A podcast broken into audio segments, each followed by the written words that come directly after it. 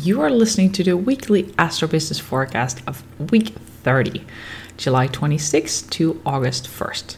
The theme of the week is subconscious patterns. Step into the version of who you want to be. A lot of our responses are automatic and we don't even think about it.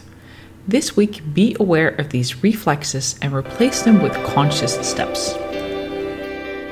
Welcome to the Astrology as a Strategy podcast. I'm your host, Patricia Panasi.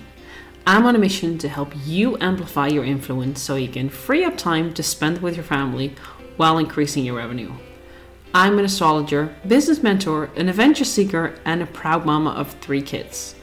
Think of this podcast as your shortcut to more joy and ease in your business. Running a business is joyful, and when you're not having fun, you haven't cracked the code yet, but that's about to change.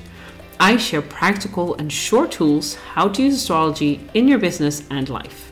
So let's get started on using your energy strategically to make a bigger impact, have more free time, and grow your wealth.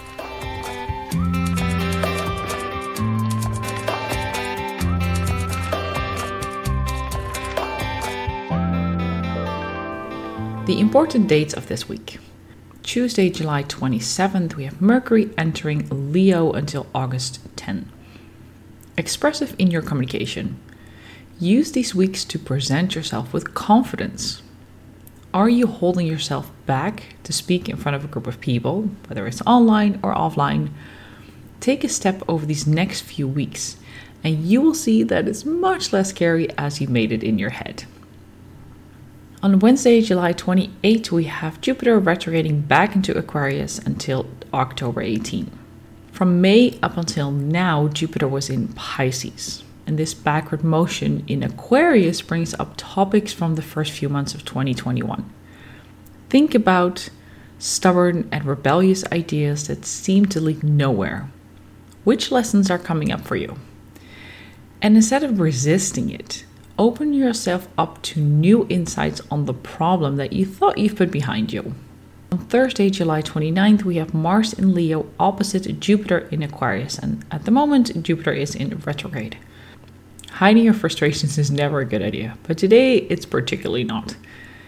If you feel it come up, find a safe way to express it. Hit or scream into a pillow, shake your body, or go for a run.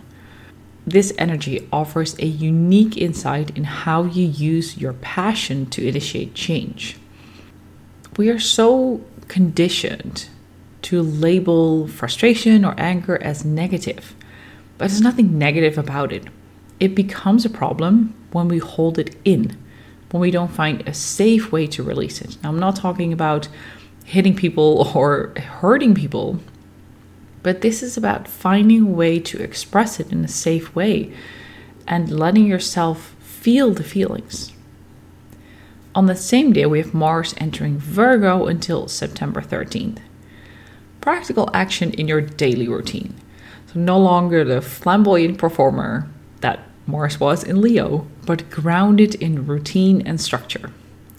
Use these weeks to take action to set up processes and structures on how you utilize your creative energy.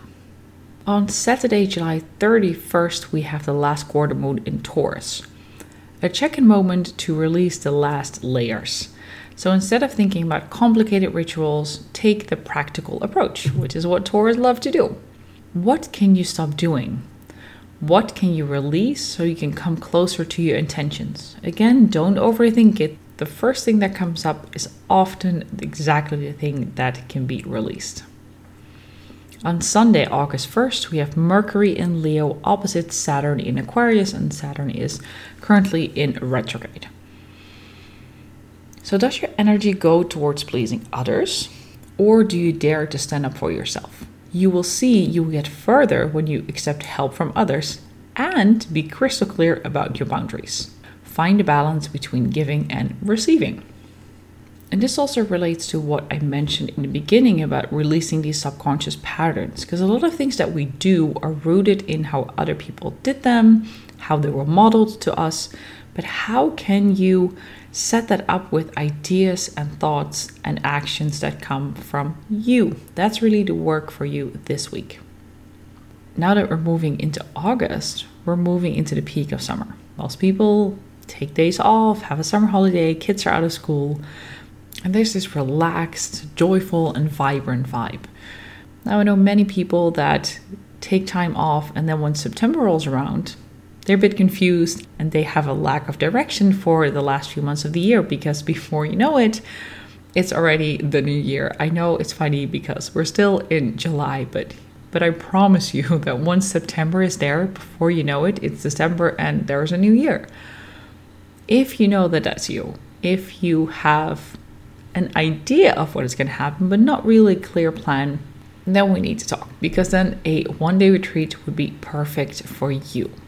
In one day, we flesh out the next 12 months. So, from now until the next year, from the end of the school year to the beginning of next school year, you will have a strategy based on what works best for you. And September is such a potent energy because we have so much Virgo energy ahead of us. That is about planning, structures, details. If you utilize the energy, you can really relax now and then once September rolls around, you're ready to go and you are going to rock the last few months of this year.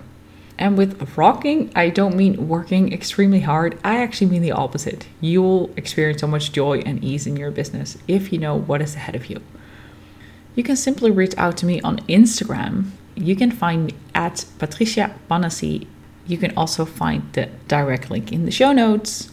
And send me a DM. Let's chat. Let's talk about what the last few months of this year are going to look like and how we can set something up that works for you and your business. That's it for this week, and I will be back with another episode next week.